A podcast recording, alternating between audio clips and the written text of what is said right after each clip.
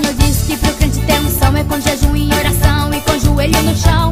Quando Deus quer dar vitória, não adianta o inimigo interromper, pois meu Deus é com você. O inimigo pode até te ver calado, pensa que está derrotado, pensa que está derrubado.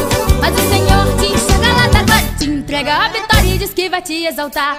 Quando Deus tem promessas pro seu servo, não adianta o inimigo interromper, ele pode até fazer você pensar em desistir. Não se preocupe, pois Deus te fará vencer. É poderoso, até demais.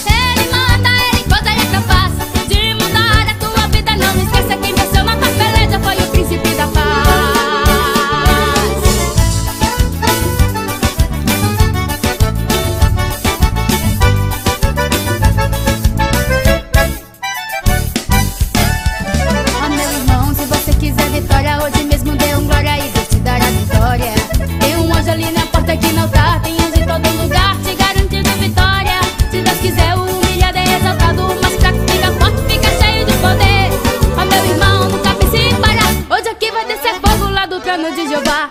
Quando Deus tem Promessas pro seu servo, não adianta o inimigo interromper. Ele pode até fazer você pensar em desistir.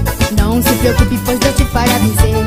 Esse Deus é poderoso, é até demais. Ele manda, ele pode, ele é capaz de mudar a tua vida. Não esqueça quem venceu na tabela, foi o príncipe da paz. Quando Deus tem Promessas pro seu servo, não adianta o inimigo interromper. Ele pode até fazer você pensar em desistir. Não se poderoso, é até demais. Ele manda, ele pode, ele é capaz de mudar a tua vida. Não esqueça quem venceu na tabela, foi o príncipe da paz. De mudar a tua vida, não esqueça quem venceu na tabela, foi o príncipe da paz. De mudar a tua vida, não esqueça quem venceu na tabela, foi o príncipe da paz.